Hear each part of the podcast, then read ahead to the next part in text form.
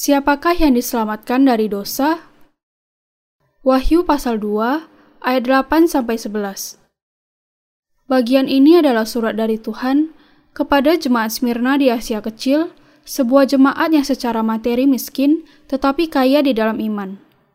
Orang-orang kudus yang ada di sana dan hamba Allah mempertahankan iman mereka meskipun mereka sedang dianiaya oleh orang-orang Yahudi dan bahkan dalam kesengsaraan maut mereka tidak menyangkal Tuhan dan Injil air dan rohnya. Mereka berjuang dan menang dengan percaya kepada firman Allah. Tuhan mengatakan agar orang-orang kudus di jemaat Smyrna tidak takut akan penderitaan yang di depan mereka dan supaya mereka setia sampai mati dan menjanjikan kepada mereka mahkota kehidupan. Allah mengatakan kepada umatnya agar melawan dan menang atas doktrin palsu dari mereka yang menyebut dirinya nabi. Kita harus tahu iman yang bagaimana yang bisa menyelamatkan kita dari segala dosa kita. Kita harus menyadari bahwa Injil air dan roh adalah Injil yang benar, dan dengan iman kita harus berperang melawan dan menang atas doktrin palsu serta dusta yang mewabah di dunia kekristenan zaman ini.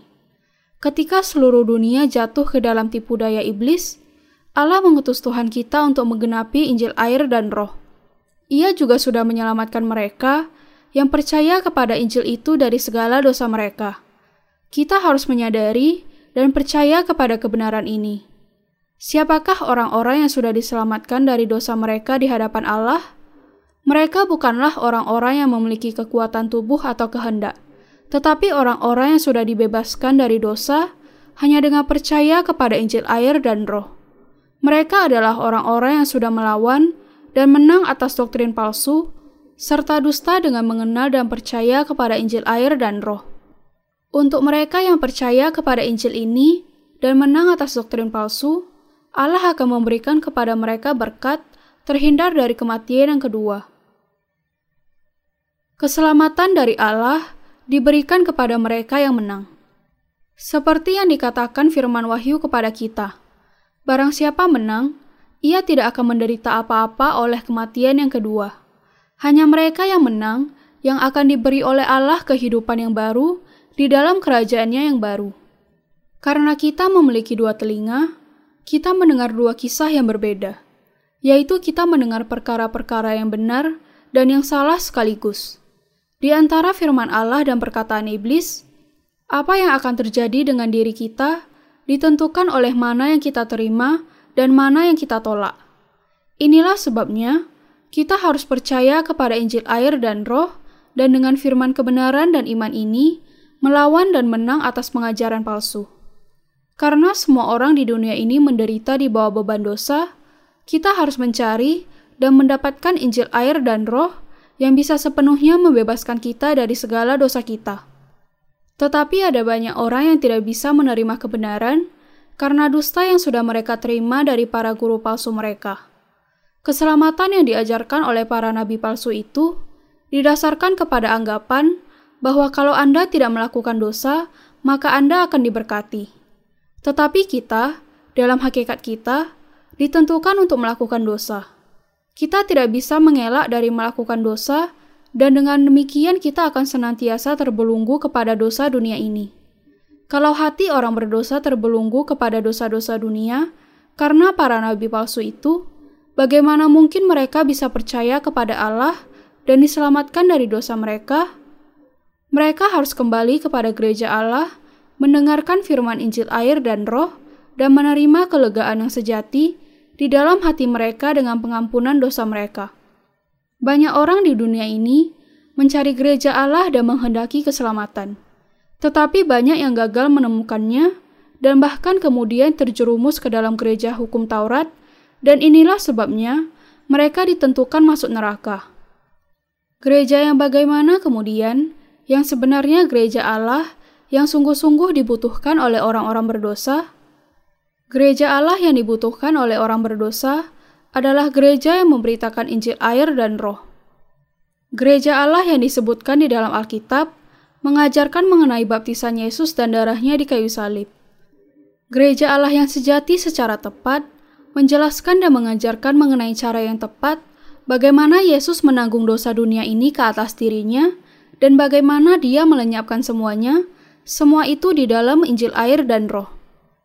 Setiap orang berdosa yang sudah dibebaskan dari dosa-dosanya, mendapatkan hal itu karena iman yang asalnya dari mendengar Injil air dan roh melalui gereja Allah. Tetapi karena banyak orang Kristen tidak mendengar dan tidak berhubungan dengan Injil air dan roh, mereka tidak bisa diselamatkan dari segala dosa mereka. Tetapi Allah mengatakan kepada kita bahwa Ia akan membebaskan dari dosa mereka yang percaya kepada Injil air dan Roh, dan yang melawan serta menang atas Injil palsu.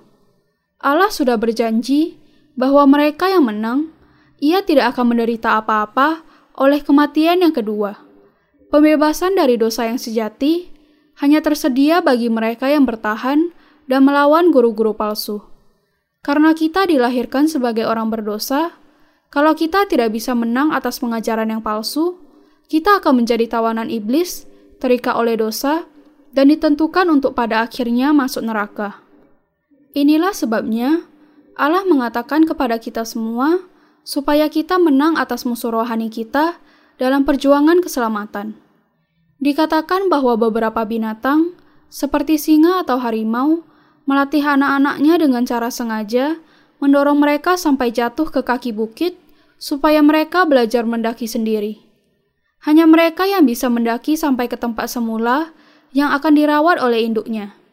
Demikian juga, Allah memberikan kepada kita Injil air dan roh, dan hanya mereka yang melawan serta mengalahkan pengajaran palsu menggunakan Injil ini saja yang diizinkan masuk ke dalam surga.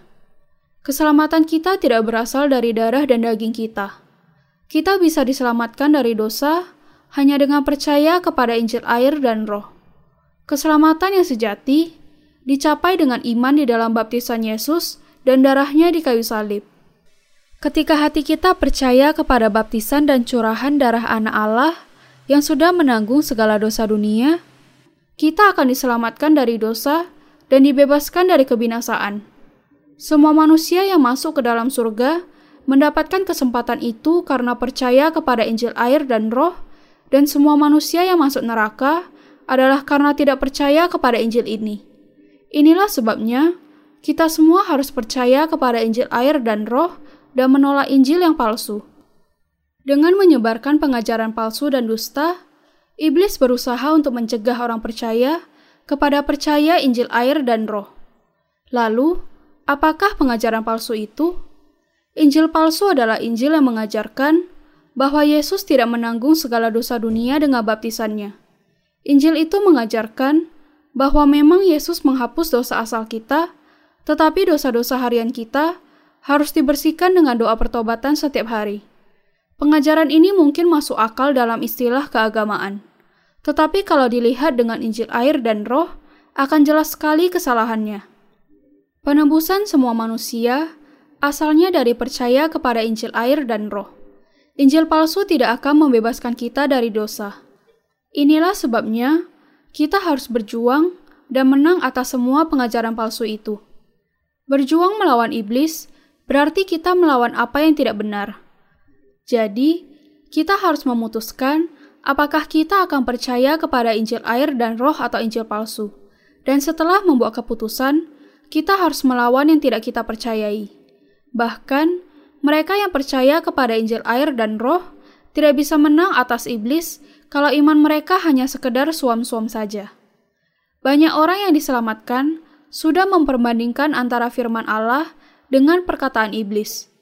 Dosa-dosa mereka diampuni hanya kalau mereka memutuskan untuk percaya kepada Injil air dan roh. Semua manusia yang sudah diselamatkan sejak awal penciptaan sampai sekarang adalah mereka yang melawan dan menang atas Injil palsu. Kita semua harus menemukan Injil air dan roh, menolak Injil palsu, dan dibebaskan dari dosa-dosa kita oleh iman. Apakah Injil palsu itu? Seandainya, sebagai ilustrasi, ada sebuah desa di mana semua orang yang tinggal di situ hanya memiliki satu mata saja. Dan kemudian, ada orang yang datang ke situ yang memiliki dua mata yang utuh.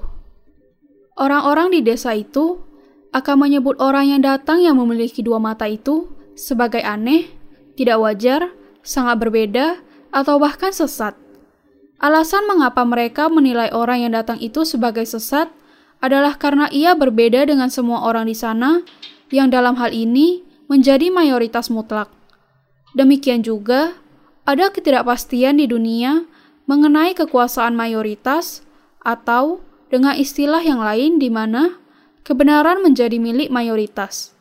Tetapi, kita harus menyadari bahwa standar penilaian serta kesimpulan yang demikian jelas sekali keliru.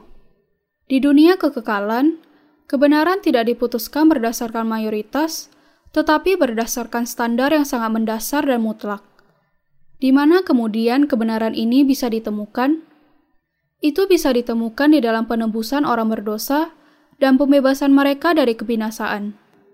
Semua manusia yang menjadi orang benar menjadi demikian setelah diselamatkan dari dosa mereka setelah mendengar dengan telinga mereka sendiri kebenaran Injil air dan roh dan percaya dengan hati mereka kepada Injil ini. Tetapi karena begitu banyak orang yang jatuh ke dalam Injil palsu selama begitu lama, ketika kebenaran yang sejati dinyatakan di depan mereka, mereka menyebutnya aneh dan bahkan sesat serta kemudian menolaknya. Tetapi Injil air dan roh sudah dinyatakan, dipercaya, dan diwartakan oleh para rasul sendiri sejak masa para rasul itu. Masalah dosa bisa diselesaikan hanya dengan percaya kepada Injil air dan roh di hadapan Allah. Yesus kebenaran kita menanggung segala dosa dunia ke atas dirinya sekaligus melalui baptisannya oleh Yohanes, salah satu keturunan Harun, dan mencurahkan darahnya di kayu salib bagi kita. Firman Allah memberikan kesaksian bahwa Yesus menanggung segala dosa dunia dengan baptisannya. Lalu ia mati di kayu salib, bangkit dari kematian, dan naik ke surga untuk duduk di sebelah kanan Allah. Kebenaran ini digenapkan 2000 tahun yang lalu, ketika Yesus menjadi Tuhan kebenaran, dengan menanggung segala dosa dunia melalui baptisan dan darahnya di kayu salib. Tetapi mereka yang terkena dusta masih tidak tahu bahwa dengan iman mereka kepada Yesus, mereka mendapatkan pembebasan yang sempurna dari Yesus. Yang lebih buruk lagi, banyak orang di dalam kekristenan zaman ini yang terhilang di dalam dosa dibingungkan oleh Injil palsu. Inilah sebabnya mereka yang percaya kepada Injil air dan roh yang sejati harus memberitakan dan mewartakan Injil ini lebih sering dan kepada lebih banyak orang. Hanya dengan mendengar Injil yang sejati ini, manusia bisa dibebaskan dari dosa-dosa mereka. Kebenaran yang dinyatakan di dalam Alkitab adalah Injil air dan roh. Matius pasal 3 ayat 13 sampai 17. Efesus pasal 1 ayat 13. Dalam bagian di atas, Allah memuji jemaat Smyrna dengan mengatakan bahwa meskipun mereka miskin secara materi, tetapi mereka kaya di dalam iman. Tetapi ia menyebut orang-orang Yahudi sebagai jemaah iblis. Karena meskipun mereka mengaku percaya kepada Allah, mereka masih menolak untuk menerima Injil penembusannya di dalam hati mereka. Mereka tidak percaya kepada Yesus sebagai anak Allah dan juru selamat mereka. Meskipun Tuhan kita sudah menanggung segala dosa mereka dengan Injil air dan roh. Karena mereka masih belum menerima kenyataan bahwa Yesus menanggung segala dosa mereka, bahkan meskipun mereka mengakui percaya kepada Tuhan Allah, tetap saja masih ada dosa di dalam hati mereka. Orang-orang demikian mengaku dengan mulut percaya kepada Allah, tetapi di dalam kenyataannya mereka adalah jemaah iblis yang tidak percaya kepadanya. Mereka yang meskipun mengaku percaya kepada Yesus, tetapi belum menerima karya penebusannya di dalam hati mereka, juga merupakan anggota jemaah iblis. Di dalam dunia ini, ada dua golongan jemaah, jemaah iblis dan jemaah Allah. Ketika Tuhan datang kembali, jemaah iblis akan dibinasakan sampai selamanya, dan jemaah Allah akan diberkati sampai selamanya. Allah dengan kata lain, dengan jelas memisahkan antara orang-orang benar dengan orang-orang berdosa. Tidak semua yang mengaku Yesus sebagai juru selamatnya bisa masuk ke surga. Ini jelas ditunjukkan di dalam apa yang dikatakan Yesus di dalam Matius pasal 7 ayat 21 sampai 23. Bukan setiap orang yang berseru kepadaku, Tuhan, Tuhan, akan masuk ke dalam kerajaan surga, melainkan dia yang melakukan kehendak Bapakku yang di surga. Pada hari terakhir, banyak orang akan berseru kepadaku, Tuhan, Tuhan, Bukankah kami bernubuat demi namamu, dan mengusir setan demi namamu, dan mengadakan banyak mukjizat demi namamu juga? Pada waktu itulah, aku akan berterus terang kepada mereka dan berkata, Aku tidak pernah mengenal kamu. Enyahlah daripadaku, kamu sekalian pembuat kejahatan. Dengan kata lain, kita tidak bisa mengatakan bahwa surga menjadi jaminan bagi siapa saja yang percaya kepada Yesus dan menyebut namanya. Bahkan, kalau mereka percaya kepada Yesus sebagai juru selamat mereka, kalau mereka tidak percaya kepada Injil air dan roh, mereka juga pada akhirnya menjadi hamba iblis dan pasti akan masuk ke dalam neraka. Karena mereka mengikuti Injil yang lain, meskipun mereka mengaku percaya kepada Yesus, yang cocok dan adil bagi mereka adalah bahwa mereka akan dibuang ke dalam neraka. Mereka yang memiliki dosa dan menjadi milik iblis ditentukan untuk masuk neraka. Tetapi bagi kita yang sudah menerima pengampunan dosa, dengan percaya kepada Injil air dan roh, pintu surga akan selalu terbuka. Semua orang yang percaya kepada Yesus harus masuk surga dengan percaya kepada Injil air dan roh. Untuk diselamatkan dari dosa dunia, kita tidak hanya harus memiliki pemahaman yang jelas mengenai dosa, tetapi juga memiliki kemampuan rohani untuk membedakan antara kebenaran dengan dusta. Untuk hal itu, kita harus berdiam di dalam firman Allah yang tertulis dan percaya sesuai apa yang dikatakan di sana. Kalau Anda tidak mau dibuang ke dalam lautan api, Anda harus menolak Injil palsu dengan iman Anda. Dan untuk mempertahankan kemenangan iman Anda, Anda harus tahu apakah Injil air dan roh itu. Hanya dengan itu, Anda bisa menghindar dari kematian yang kedua, dan hanya dengan itu, Anda bisa masuk ke dalam Firdaus Allah. 2 Yohanes pasal 1 ayat 7 mengatakan, Sebab banyak penyesat telah muncul dan pergi ke seluruh dunia yang tidak mengaku bahwa Yesus Kristus telah datang sebagai manusia. Itu adalah si penyesat dan antikristus. Penyesat yang disebut di sini menunjuk kepada mereka yang menyangkal bahwa Yesus Kristus pernah datang ke dunia ini dalam rupa manusia. Dengan kalimat lain, itu adalah mereka yang menyangkal bahwa Tuhan yang datang dalam rupa manusia itu adalah Anak Allah, bahwa Ia menanggung segala dosa dunia ke atas dirinya dengan baptisannya di Sungai Yordan, dan bahwa Ia dihukum menggantikan kita bagi dosa-dosa kita dengan darahnya di kayu salib. Bagi mereka yang tidak menerima kenyataan ini, bahwa ia sudah mengangkat dari kita semua penghukuman dosa, mereka adalah penyesat dan hamba iblis. Mereka adalah musuh-musuh Allah dan hamba iblis yang setia. Mereka membingungkan dan membawa banyak orang kepada kebinasaan dengan mengajarkan dan mewartakan Injil palsu mereka dan melawan Injil air dan roh yang sejati. Mereka yang mengaku percaya kepada Injil air dan roh, tetapi tidak berjuang di dalam peperangan rohani, melawan Injil palsu dari iblis, pada akhirnya akan terjebak menjadi musuh kerajaan Allah dan umatnya. Orang-orang yang demikian tidak peduli apakah pengikut mereka percaya kepada Injil air dan roh atau tidak. Yang mereka pikirkan hanyalah kemuliaan dan kekayaan mereka sendiri. Mereka adalah hamba-hamba palsu yang hanya ingin memenuhi perut mereka saja. Mereka adalah, pendeknya, orang-orang yang menjadi milik antikristus yang dikatakan di dalam Alkitab. Tipu daya ajaran sesat. Yehezkiel pasal 13 ayat 17 sampai 18 mengatakan, Engkau anak manusia, tujukanlah mukamu kepada kaum perempuan bangsamu yang bernubuat sesuka hatinya saja dan merumbuatlah melawan mereka. Katakanlah, beginilah firman Tuhan Allah. Celakalah dukun-dukun perempuan yang mengikatkan tali-tali azimat pada semua pergelangan dan mengenakan selubung pada kepala semua orang tua atau muda, untuk menangkap jiwa orang. Apakah kamu hendak menangkap jiwa orang yang termasuk umatku dan membiarkan orang-orang lain hidup untuk kepentinganmu? Dari bagian ini, bisa kita lihat bagaimana hamba iblis berusaha untuk menangkap jiwa orang. Bagian di atas mengatakan bahwa para hamba iblis mengikatkan tali-tali azimat pada semua pergelangan. Dalam Alkitab King James Version, Bagian ini diterjemahkan. Woe to the woman that sew pillows to all arms hole. Celakalah wanita-wanita yang menjahitkan bantal ke semua lengan baju orang.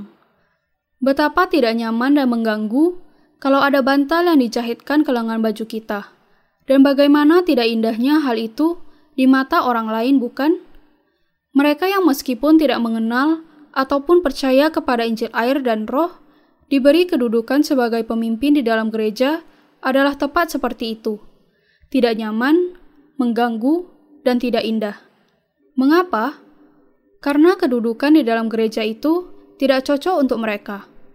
Mereka tahu bahwa mereka belum dibenarkan atau dilahirkan kembali karena mereka belum percaya kepada Injil air dan Roh. Bagaimana kemudian mereka bisa melakukan pekerjaan Tuhan?